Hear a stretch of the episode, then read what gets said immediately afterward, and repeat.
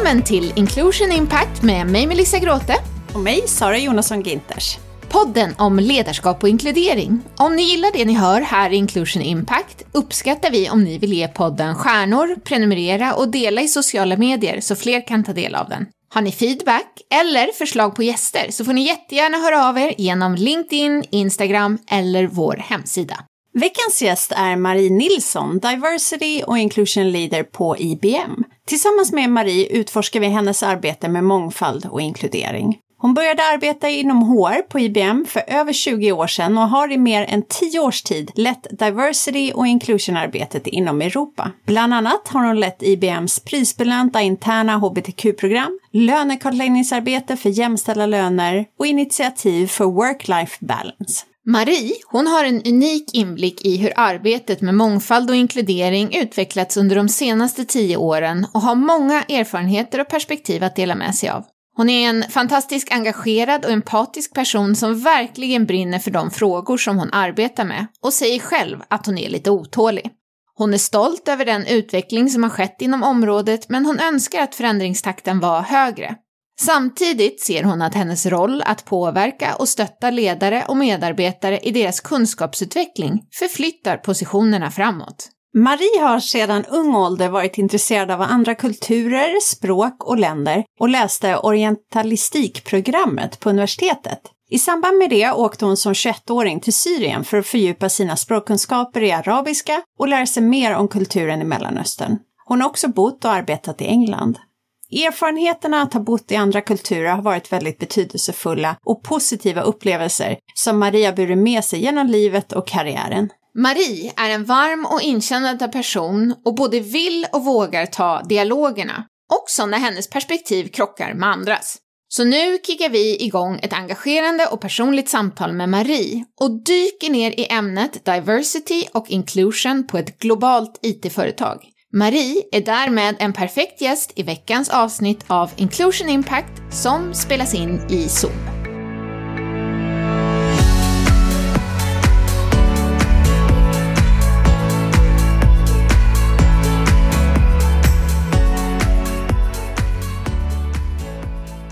Hej Marie och välkommen till Inclusion Impact! Hej, tack!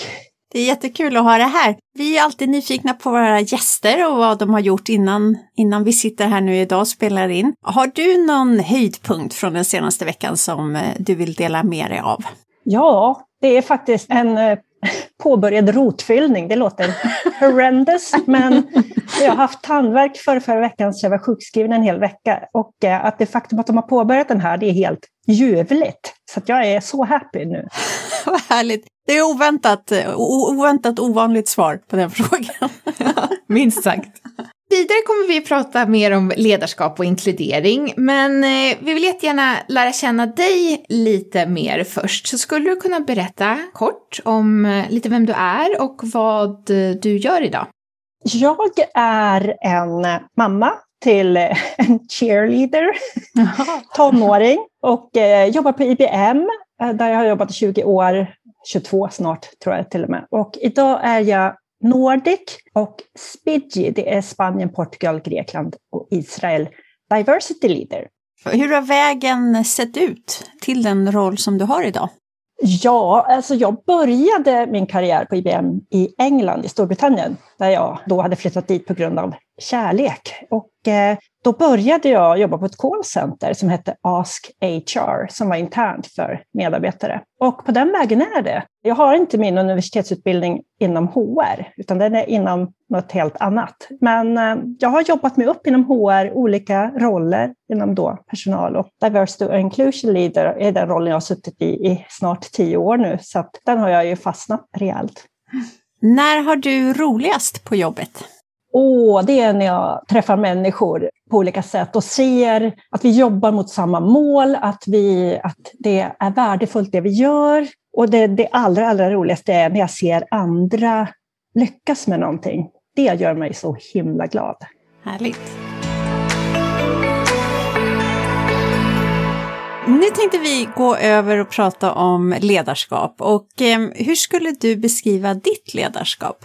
Mitt ledarskap är byggt mycket på empati, engagemang och eh, att ha ett coachande ledarskap. Det tror jag man kan ha och få saker och ting gjorda i team utan att man behöver stå där och peka hela tiden och dom, domdera eller vad jag ska säga. Så att, eh, jag tror på att människor kan, bara de vill. Och det är det här med growth mindset, att man, att man verkligen, så att få folk att inse att de kan någonting, att det inte tar stopp och att de själva försöker hitta en lösning. Det, så skulle jag beskriva mitt ledarskap. Vad tror du är nycklarna för att skapa engagemang? Jag tror att det är bland annat att du måste ju vara en människa som själv är ganska engagerad. Men att se medarbetarna, alla medarbetarna, inkludering såklart, lyssna, få fram allas åsikter och sen så små frön som kan gro hos var och en. Alla är ju olika. Så det är en utmaning såklart, men, men positiv, optimistisk och kan förklara vad det är som behövs göras. Mm. Så om du, om du tittar tillbaka över tid, hur skulle du berätta eller hur skulle du förklara att ditt ledarskap har utvecklats till den ledare du är idag? Ja, det har ju mognat fram skulle jag säga, med ålder och erfarenheter såklart. Jag har nog varit, eller jag har varit mycket mer naiv.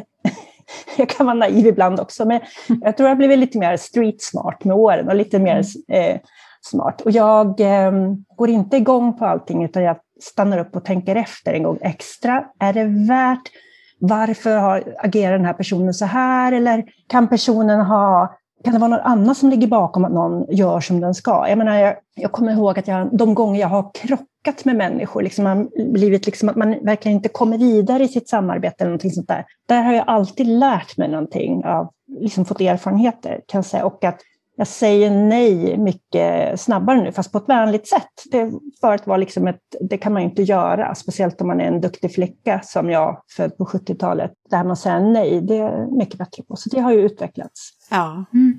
precis. Har du något eh, exempel du skulle kunna dela med dig av när du krockade med någon person och vad du lärde dig av det?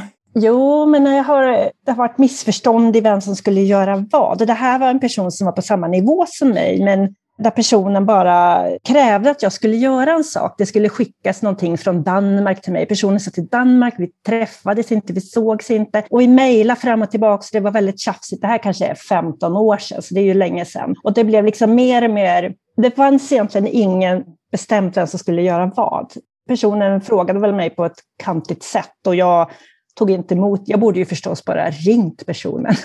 Så nu i efterhand kan jag ju se det här eskalerade, det blev liksom, vi vart osams, så det, det, är ju så himla oproffsigt. Men sånt händer ju, så idag hade jag hanterat det på ett annat sätt, helt klart. Mm. Ringt upp personen och verkligen förstått, liksom, okej, okay, men det här är inte görbart, men det här kan jag hjälpa dig med, eller vad kan vi så. Mm.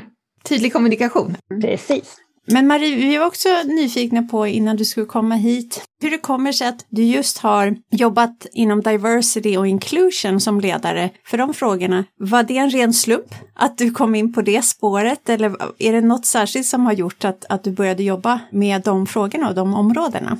Nej, det är nog inte en slump. Men jag har alltid varit intresserad. Min pappa har rest och jobbat mycket i andra länder. Och sen, eh, nu, nu är det bara kulturer som dyker upp här, den biten. Men på universitetet så valde jag ju faktiskt en linje, jag har ju alltid varit intresserad av språk, men jag valde ett, eller ett program som hette orientalistikprogrammet, så jag läste arabiska. Mm. Blev specialist på arabvärlden och bodde och pluggade i Syrien, det här är snart 30 år sedan jag var där, faktiskt början på 90-talet. Så att, nej, helt konstigt är det ju inte att jag har hamnat som diversity leader. När den rollen annonserades så, så hoppade jag ju jämfota och sökte den och var helt bestämt mig för att jag skulle ha den och så fick jag den. Väldigt bra match där, verkar det som. Kan du inte berätta lite grann om dina upplevelser när du bodde i Syrien? Hur var det? Ja, gud ja. Så då får du tänka, 92, då var jag 21 år gammal när vi åkte ner första gången. Först skulle vi åka till Bagdad i Irak. Men Saddam Hussein som var president där, han hade precis invaderat Kuwait och det började bli började krig där. Så då åkte vi till universitetet i Damaskus, för det är den, arabvärlden är ju liksom hela Nordafrika och så Mellanöstern och sen pratar ju många länder arabiska där man har en stor muslimsk befolkning som läser Koranen. Så det var den klassiska arabiska vi skulle plugga där, men det var ju så häftigt att så komma dit. Vi var ju det fanns ju nästan inga västerlänningar alls i, i Damaskus då. Och folk var så nyfikna på oss. Och när vi kunde prata arabiska, alltså vi var så väl mottagna. Om man tänker att vi kom dit som utlänningar, så ja, det var fantastiskt. Jag lärde mig så otroligt mycket om människor, förutom arabiska, den slipades till. Så ja, det var häftigt. Vi bodde faktiskt, jag bodde faktiskt till och med i en stadsdel som hette flyktinglägret, Moshayem, faktiskt som var de som hade flytt från dåvarande Palestina. Så att, eh, men det var ju hus då som de hade byggt upp, men det var en tältstad från början. Nej, det var otroligt häftigt. Jag lärde mig så mycket om livet. Sen fick jag av en slump kontakt med en person i en stor, en stor släkt. Jag säger en familj, men det är en stor släkt. Som visade sig bo i Uppsala. Det här är några år sedan bara, via Facebook. Och så åkte jag dit en dag och satt och pratade i sex timmar nonstop och då har inte jag använt min arabiska på många, många år. Jag tänkte, hur ska det här gå? Och det var, det var ju tårar, det var ju, det, här är alla de här små barnen som jag då såg, de växte upp, gift sig, fått ett par barn. Och, nej, det var ja, fantastiskt. Otroligt häftigt att träffa dem, men, ja. men fruktansvärt sorgligt. Och de kunde, har ju, många av dem har flytt, fick inte med sig några saker, så jag hade ju kvar massa foton, så jag beställde ju fotoböcker och lite så här, så det var, det var otroligt känslosamt. Ja. Ja, fin. fin. Vad fint att ni ändå kunde återknyta efter så många år.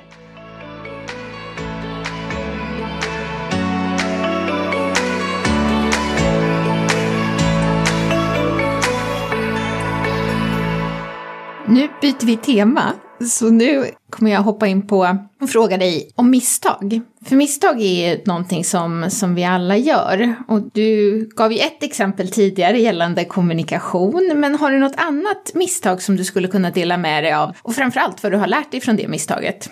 Ja, i början av mitt ledarskap så vet jag att jag kunde engagera... Jag är ju väldigt eh, jag höll på att säga en känslig person, men jag är väldigt i kontakt med känslor. Jag läser in ett rum, känner på en gång hur alla mår eller försöker ta in, vilket kan vara väldigt jobbigt att ta in så mycket. Så som ledare måste man ju också distansera sig lite. Och jag vet att jag har tagit på mig känslorna som en medarbetare haft när den har varit orolig över en sak. Och det är, alltså, till en viss del, empati är ju att man liksom försöker vara inkännande och sådär. Det är ju så att man nästan själv börjat gråta liksom, och det är ju så otroligt det är mänskligt, men det är lite oproffsigt och där har jag lärt mig att ta ett steg tillbaka och ändå vara stöttande, men att inte vara så emotionell. Gå in i det och du, du, kommer ju gå under själv om du är det. Men det blir ju inte heller bra för medarbetaren som ska prata med dig. Så det är absolut ett exempel som jag har fått lära mig av. Jag är jättestolt över min empati, att jag har det, att jag har det där inkännande, även om jag blir väldigt trött av det efter en mm. arbetsdag så är ju det en del av mig. Det ska man ju inte ta bort. Man ska ju vara genuin, men eh, absolut att vara lite mer neutral och ändå mm. stötta.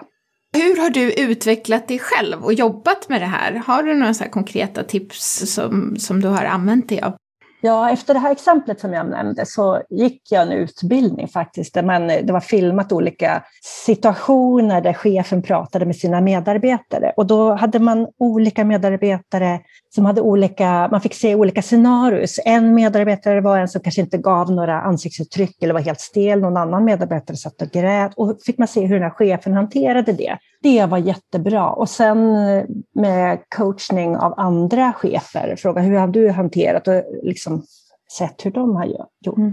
Mm. Så har jag lärt mig av det. För jag kände själv att jag var inte... Det var bara jag själv som kritiserade mig själv där, men jag kände att det inte blev bra. Så att, mm. ja, vidareutbildning ska jag säga. Mm. Men också som du sa, inte bara kritisera dig själv, men också att du kände att du inte mådde bra av det. Och det är ju väldigt viktigt att lyssna på. Ja, det viktigaste ska jag säga. Mm.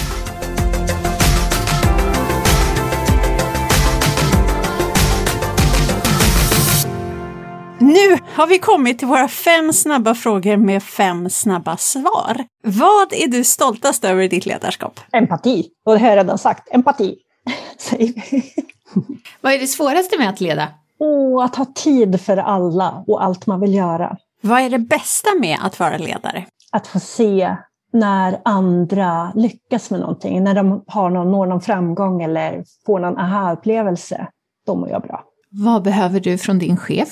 Frihet under ansvar, höll jag på att säga, men frihet. Eh, inte någon som mikromanagerar mig. Det är nog något av det värsta jag varit med om. Det fungerar inte för mig. Finns det någon ledare som du inspireras av och, och i sånt fall varför?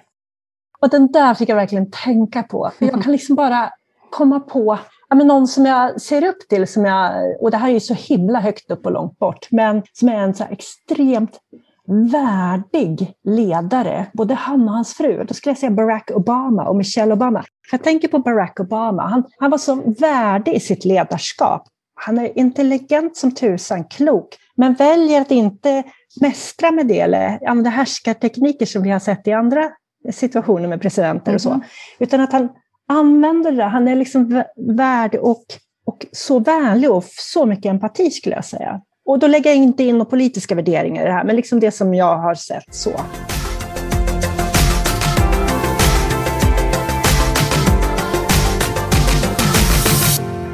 Nu har vi pratat om ledarskap och eh, vi kommer nu hoppa på poddens andra tema som är inkludering. Och första frågan till dig då, som är, jag tycker är extra intressant med, med den rollen som du har, men vad är inkludering för dig? Ja, inkludering för mig det är att alla är sedda och alla har precis samma möjligheter och skyldigheter. Att vi har samma värde, att inte någon har liksom någon bättre position än någon annan. Mm. Om vi tittar på organisation, hur kommer det till uttryck? Hur kommer inkludering till uttryck i organisationer? Ja, till exempel på möten när man sitter och man märker att, jag, som jag sa, jag är en sån som läser in alla i hela rummet och försöker se hur mår, hur mår hen, hur har den där det, fick den där i sig någon frukost i morse, allt, ni vet, jag är både mamma och storasyster och chef. Allt. Men eh, att man ser alla och om man märker att någon aldrig riktigt tar ton, eller någon tar över diskussionen så måste man ju då som ledare gå in och styra lite och kanske den som inte kliver fram så mycket, kanske ta den separat efterhand och, och fråga hur, hur är det bäst för dig om vi gör? Att man, man ser alla och, och sen tar in att man ser till att alla får dela sina åsikter om någonting så att vi får in så mycket som möjligt information för att lösa ett problem, vad det nu kan vara. Hur tycker du att ledarskap hänger ihop med inkludering? Det hänger absolut ihop. Det, är liksom, det går inte att säga den ena utan den andra, för du är ju inte en, en bra ledare om du inte inkluderar alla. Det säger sig självt. Jag menar, du har ett team, ett antal medarbetare som du ska jobba med. Om du använder mikroaggressioner eller liksom försöker exkludera eller omedvetet exkludera någon så får du ju inte in den. Du behöver inte älska alla i ditt team, du behöver inte älska någon av dem. Men vi är väldigt olika människor och så är det, men alla har ju någonting att bidra med. Så att, ha den insikten och den startpunkten. Så att inkluderande ledarskap, det, det jobbar vi bland annat jättemycket med. Och din roll som ledare då med, med de här frågorna, vad blir din roll då i en sån stor organisation som du jobbar med? För du jobbar ju både med leda andra ledare och medarbetare och, och internationellt ju också. Vad är din roll i just det här med inkluderingen och ledarskapet på IBM? Alltså vi jobbar ju mycket med inkluderande ledarskap. Vi har mycket utbildningar och så som man kan ta själv när man sitter vid datorn eller man kan ha en lärarledd utbildning också digitalt. Och nu är vi ju i, i den här pandemin, så nu har vi ju suttit hemma, så allt är ju digitalt. Men annars har vi också kunnat köra utbildningar där man står och pratar med inför människor och så och också kan ha lite mer utbyte så. För det är ibland är det svårt att få in alla synpunkter när vi sitter digitalt, fast vi behöver bli mer vana vid det.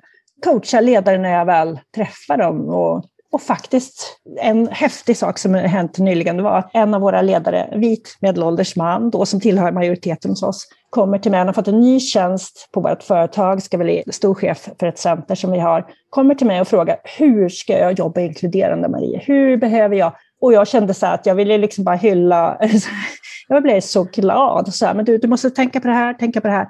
Och han sa, jag ser mig som en upplyst man, men jag förstår att jag inte har alla svar. Då blir man ju, då blir man ju nästan tårögd som mångfalds och inkluderingsledare. Fantastiskt ju! Just det med självinsikten där hos honom, att eh, vilja då lära sig mer. Men då, då blir ju vi såklart så här, vad sa du då till honom? vad var dina, de här viktigaste sakerna som du sa? Ja, först så pushade, eller så, så gav jag honom beröm utan att man ska inte liksom bara för att en man hör av sig liksom som är privilegierad så. Men jag sa det är jättebra att du kommer liksom och så här och tipsa gärna andra att komma också. Nej, men jag sa tänk så här nu när du ska rekrytera. Det kanske inte bara du och var, han tror han hade två eller tre i sin organisation till att börja med, där alla var män, jag tror att det var en kvinna. Försök att vara mångfaldiga så gott det går. Och jag kan hjälpa till också när ni ska intervjua människor, så att ni har liksom olika aspekter att tänka på. Och tänk på att ta in synpunkter från andra. Det var något problem han skulle lösa. Och då gav jag honom tips på lite olika namn, på lite olika åldrar, kön, bakgrunder och så. Fråga de här, fråga de här. De är säkert intresserade av att vara med och ge feedback. Och eh, gav tips på en utbildning som jag tyckte han skulle gå. Sen har vi en rekryteringsutbildning för alla chefer som också har ett kapitel med liksom inkludering i sig. Så det var lite sådana saker. Och så han gör en hel del LinkedIn-inlägg och så. Och så sa jag, ja, tänk på bildvalet. Ja, för jag la upp en grej häromdagen, Jag var tveksam, men vi var ju bara tre män. Ja, och jag tänkte faktiskt på det. Och tänkte jag på det, då tänkte någon annan på det. Så att liksom, det är klart man inte ska lägga upp en bild med en av varje sort, för det blir ju också fjantigt. Men jag sa, tänk på att bjuda in lite andra också. Bra, jättebra konkreta saker. Ja. ja. och bra det där också att be honom liksom tipsa andra och komma till dig. Ja, precis. Det, det, hade jag haft tid skulle man göra mer uppsökande verksamhet, men det kan ju tas på ett... Eh, det är inte alltid... Mitt, mitt uppdrag bygger mycket på frivillighet hos, hos människor. Så att, så är det. Mm. När, när det bygger på frivillighet, hur får man med andra? Vad är det som skapar engagemang kring de här frågorna i en stor organisation där det är många saker som man ska fokusera på, speciellt som ledare? Ja, alltså Dels så finns det mycket saker som händer i samhället nu. Världen förändras ju hela tiden såklart, men jag menar stora saker som metoo, Black Lives Matters, även om det översätts på ett annat sätt här. Sådana saker påverkar såklart, vi är ju inte helt blinda för det. Och den nya generationen som nu kommer in, och de har ju också de upplever världen, de är födda i en värld som är annorlunda än den jag föddes i för snart 50 år sedan. Och de har andra krav på, nu drar jag alla över en kam, men liksom på världen. Så att det förändras och det finns så mycket forskning som understödjer att vinsten av inkludering, mångfald och inkludering, för det räcker inte med bara att ha mångfalden. Så att det går liksom inte att bortse ifrån. Tyvärr finns det fortfarande kanske stoppklossar, eller inte kanske det gör det ju, men vi rör oss åt ett håll där det liksom är omöjligt att bortse från vinsterna med, med det här. Sen är det väl mer frågan hur ska vi göra? Och, och ibland är det ju faktiskt frågan om liksom att man, man är rädd för att förlora sin makt eller sin, sin position eller man har makt för att man är ett visst kön eller en viss hudfärg. Och även om man inte har det så uttalat här framme i pannan så, så finns det där. Liksom, Jaha, ska de komma in och ta över? Ska de? Ni vet den där känslan. Eller det hör man ju. Men det är ju inte, det är ju bättre om alla får vara med och så, så bygger vi något jättebra av det. Det vill spinna vidare lite på det. Hur ser du på det här med Alltså det finns ju också de som inte alls vill eller förstår och hur bemöter man sådana? Kan man få med dem också? Eller är det bättre att fokusera på liksom den stora massan och de som är förstått och, och vill? Eller har du några bra erfarenheter av att också övertyga de som, som är emot? Jo, alltså jag tror väldigt mycket på att eftersom det bygger så mycket på frivillighet så blir det ofta så att om man kör utbildningar eller skriver någon artikel eller bloggpost eller har en podcast så lyssnar de som är redan frälsta. Mm. Men jag, och jag har alltid tänkt att ah, det är ju ingen idé, det är bara de här som redan är insatta. Men sen, nu har jag lärt mig att jag tänker så här, att ja, men det är jättebra att vi, vi, vi ger mer kraft, kan man säga, energi och eh, information till de som är frälsta, för då blir de ambassadörer ute i verksamheten och i verkligheten och kan föra budskapet vidare. Som kan, det går ju i linje med, till exempel på IBM för några år sedan, efter metoo, och efter metoo är ju hela tiden, men det, det, hände ju mycket då 2017, så förstärkte IBM sina utbildningar kring sexuella trakasserier, diskriminering och, och eh, mobb mobbing, tror jag man kan kalla det, bullying. Att, vi liksom, att man ska ha rätt att säga ifrån. Och då har vi försökt utbilda våra medarbetare till att vara upstanders istället för bystanders. En bystander är någon som står och ser på. Om inte jag som blir skrikt på i ett möte eller jag som får en sexuell trakassering, utan det är någon bredvid, så tänker jag det var inte jag. Istället så värdesätter IBM och ger verktyg åt våra medarbetare så att man kan säga från och säga i situationen eller i efterhand till personen som utsatte någon eller den som utsatte. Så att det här var inte okej. Liksom, jag tycker inte det här var okej för att. Och vi ger, liksom, vad kan man säga och hur kan man agera? Och så vi har till och med en linje, som, en, linje, en chattlinje som heter Talk it over at IBM, där man kan ta upp saker som man har sett, allt från, jag menar vi har ju länge kunnat anmäla mutor och korruption och alla möjliga sådana saker om man ser att det förekommer, men också att när, när någonting har hänt som inte är okej. Och IBM är blixtsnabba med att agera då. Upstanders, heter det Upstander, ja. ja. Bra! Så, att, så att jag tror nog på att jobba med, kan man, kan man omvända, kan man lära en, hund sitta, en gammal hund sitta, det är ett bra uttryck, för jag kan också vara en gammal hund i vissa situationer, så jag menar liksom inte att det skulle vara vita män. Men jag tror att man, man ska aldrig skygga från en diskussion, att ha en diskussion, öppen diskussion, för man kan kanske inte omvända folk, men man kan få folk att öppna upp sina skygglappar lite mer. Jag hoppas det, jag tror på det, för jag tror på människor faktiskt. Våga ta dialogerna och diskussionerna. Mm. Ja. Och sätta det i olika perspektiv tänker jag också, att det som kanske inte är relevant för någon, då hittar man andra ingångspunkter. Och just som du säger då, har man fler ambassadörer med fler input och tankesätt kring ämnet så breddas ju kommunikationen på det sättet också. Precis, ja men precis. I ditt arbete, vad är du stoltast över? Nu har du tagit upp många fina saker här som med, med, ett arbete som ni, som ni har gjort. Och att det är ständigt pågående och att ni utvecklar med, med olika tjänster och, och, utbildningar och så. Men är det någonting som du tycker sticker ut som har gjort extra stor skillnad?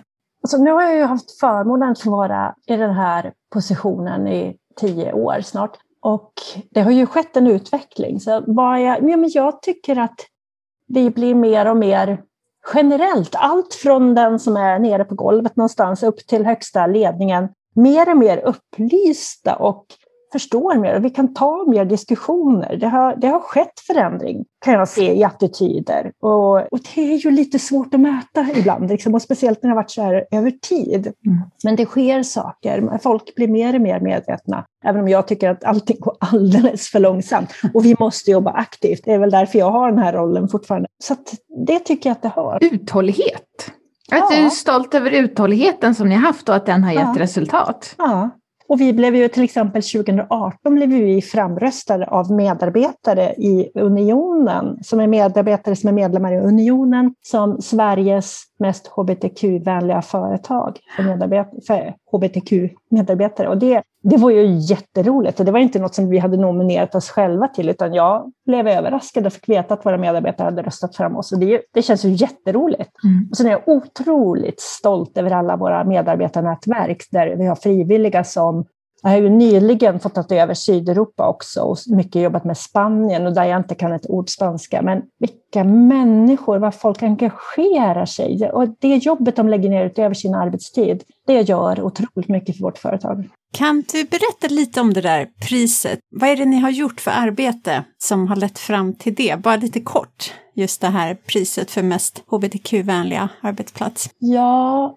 jag tror att dels så är det väl hur vi kommunicerar internt överhuvudtaget. Vi har sett över alla våra skrifter, policies och riktlinjer och sånt där, liksom se till att de är verkligen inkluderande och att man kan skriva hen. Och när man förutsätter inte att ett föräldrapar är en man och en kvinna. Och så där. Men nu är det flera år sedan, men vi har ju liksom förbättrat det och är tydliga med i bilder, att vi visar om vi ska visa upp en bild på en familj, det behöver inte alltid vara mamma och pappa. Och sådär. Så dels sådana saker. Sen har vi ett stort, och det kommer också globalt, det har vi inte bara skapat i Norden då, utan utbildningsbatteri av hbtq-kurser, allt från att being a manager of a transgender person och så. Vad händer om jag liksom ända ner på, inte bara hbtq, liksom bara ända ner på, förstår ni, sådana detaljerade, där vi har fokuserat mycket de här utbildningarna på våra medarbetares egna erfarenheter. Så man hör någon som är en transperson som pratar i utbildningen, det här var jag med om och det här hände och så här gjorde min chef. Det här händer mig dagligen.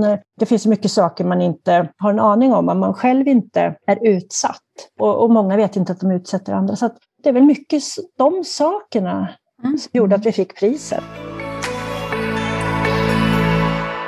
Vad för positiva effekter har du sett av ert arbete? Jag tänker, du pratade lite om det här med liksom att det har förändrats över tid och så, men finns det några mer isolerat resultat? Eller har du sett resultat inom en viss del av organisationen eller resultat gentemot vissa mål eller liknande? Det finns ett par saker här. Vi har ju varje år en medarbetarenkät som heter Employee Engagement Survey. Och det finns en helt batteri av frågor som är inkluderingsfrågor. Men där ser resultatet fantastiska ut när det gäller inkludering. Men då tänkte jag är lite kritisk.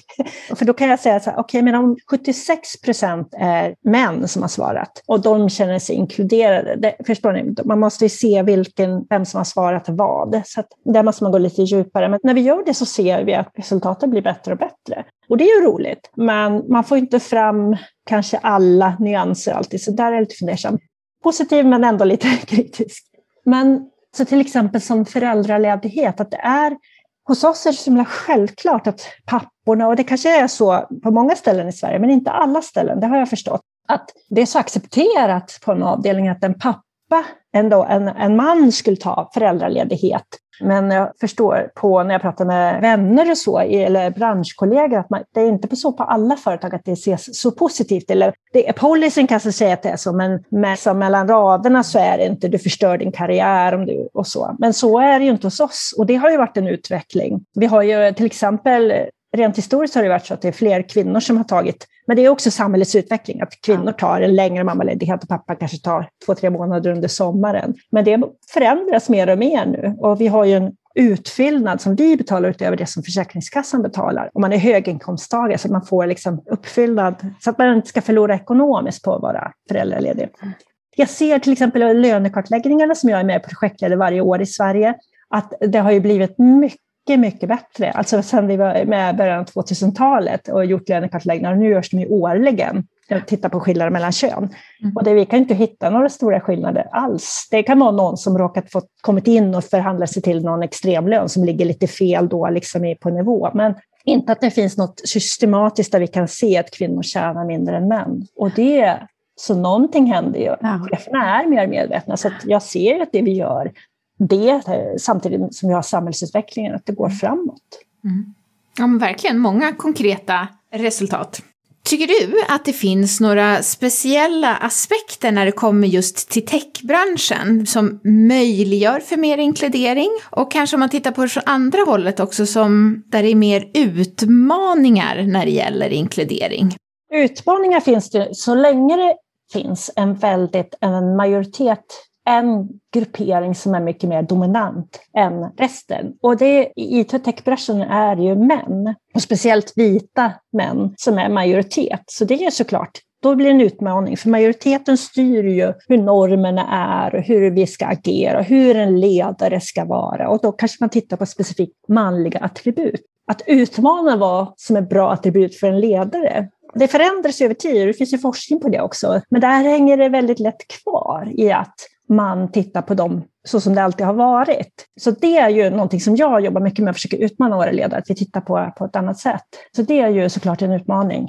Möjligheter i och med att jobba inom IT-branschen och techbranschen och kanske specifikt nu under pandemin så har ju det här med att vi jobbar digitalt absolut gjort att det har blivit mer på något sätt jämlikt. Det var en rapport som lanserades för inte så länge sedan av West, tror jag, Women Executive Search, tror jag de heter, ja. att den fysiska arbetsplatsen gynnar män. Och då var det just en IT-tech, tror jag. Och jag kan förstå det. Det är det här, man fysiskt, de är många fler än oss kvinnor till exempel. Och man fysiskt tar mer plats, hörs mer, syns mer, tar mer fysisk plats. Så den fysiska arbetsplatsen gynnar män.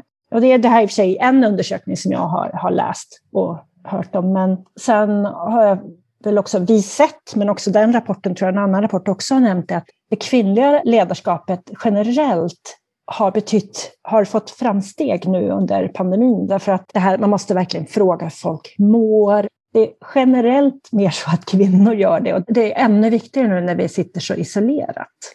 Om vi blickar framåt, har du någon omvärldsspaning vad gäller ledarskap och inkludering inom tech? Ja, det är en jätterolig fråga. Ja, och, och rolig och intressant. För att eh, det gäller att hoppa på det här tåget nu med att förstå att ledarskap plus inkludering är ett och samma. Du kan inte fortsätta vara en enväldeshärskare och inte inkludera eller använda härskartekniker och exkludera människor, för det kommer inte funka. Dina talanger kommer inte vilja stanna kvar, för de vill inte ha det ledarskapet. Så det kommer inte funka. Det gäller att hamra in budskapet och folk är ju förhoppningsvis pålästa eller att man tar till sig information. Det kommer inte gå att ha ett exkluderande eller ett ledarskap som inte är inkluderande. Så det, det är min framtidsspaning. Men däremot tycker jag att det går alldeles för långsamt. Hur ska vi öka? Öka takten. Fler sådana som ni och mig. Nej, men att budskapet kommer ut. Och sen skulle ju fler män som också börjar prata om det här. Jag sitter faktiskt nu och pratar med ett företag som har kommit lite, ganska långt tycker jag, Netlight. Mm. eh, med, med diskussioner just om det här Purple Pill och de har diskussionsgrupper med män. Så jag sitter och lyssnar på och pratar med John Lejonmark där. Jag är så nyfiken på hur vi skulle kunna införa det hos oss. Därför att jag tror att det skulle ge så himla mycket. Mm. Vi ska ju lösa, vi ska ju göra det tillsammans. Det är inte ett kvinnoproblem eller ett hbtq-problem. Eller, det är liksom, om vi vill ha ett framgångsrikt företag, innovativt, då måste vi jobba och inte stoppa in kvinnorna i ett ledarskapsprogram. så. Jag älskar den här skylten du har, Sara, med Stop fixing the women. Den är liksom mitt mantra. Jag brukar alltid hänvisa. Det är inte jag som kom på det, det är Sara. Men det är, liksom, det är så det är. Ja, jag tror jag, jag tror jag fick den från någon annan också. Men du, vad spännande med Purple Pill. Det ska bli jättespännande att följa det hos er och se om ni gör något liknande.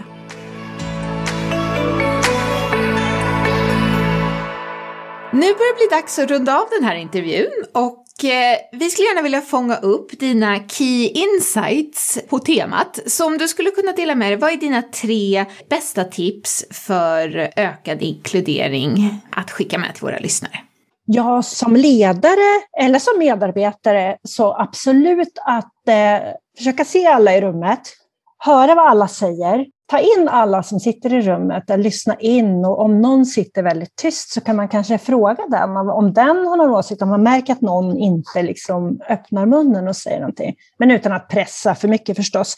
Och sen om man är ledare och ska ta något stort beslut, eller jag ska starta ett projekt till exempel, att utmana sig själv att eh, ta in synpunkter från folk som är olika dig själv. Och det kanske inte är helt lätt, för mitt nätverk av de som står mig tajtast och närmast, det kanske är sådana som jag, vita medelålders kvinnor med tonårsungar som har gått på universitet i Uppsala eller Stockholm. Och det blir ju liksom, det blir ju väldigt homogent och jag vet att jag gör det ibland, går och ber någon om råd, så tänker jag, men alltså vi är ju kopior av varandra, hur mycket bättre, du kommer ju bara bekräfta mig i mina så. Att, att säga det till folk och sen också testa sina omedvetna fördomar. Till exempel via Harvard Implicit Bias Tests som man kan hitta på nätet gratis. Du kan testa dig liksom på allt möjligt, vikt, hudfärg, ja.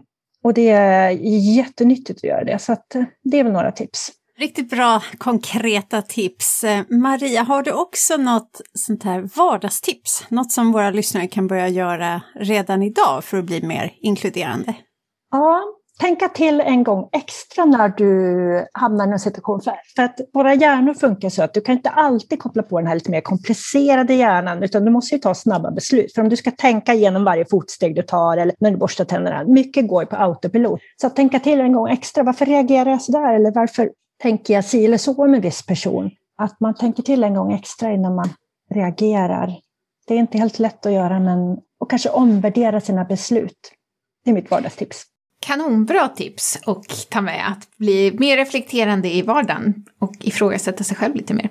Jättebra, någonting som alla kan ta med sig. Stort tack Marie för att du har varit eh, med oss här idag. Tack. Verkligen intressant att få ta del av Maries tankar och erfarenheter, Sara.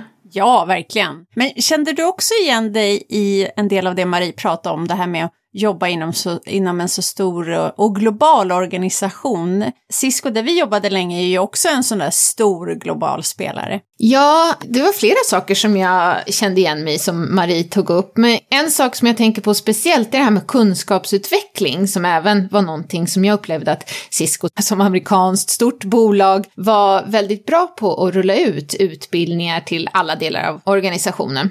Och en reflektion som jag har, det är hur den här kunskapen sen tas upp. För det blir ju lätt en amerikansk touch på material och det kanske inte alltid känns helt relevant och applicerbart här lokalt i Sverige. Men där skulle jag vilja utmana både ledare och medarbetare i att eh, reflektera och göra en tankeövning kring hur det är relevant här i Sverige, hur kunskapen kan användas.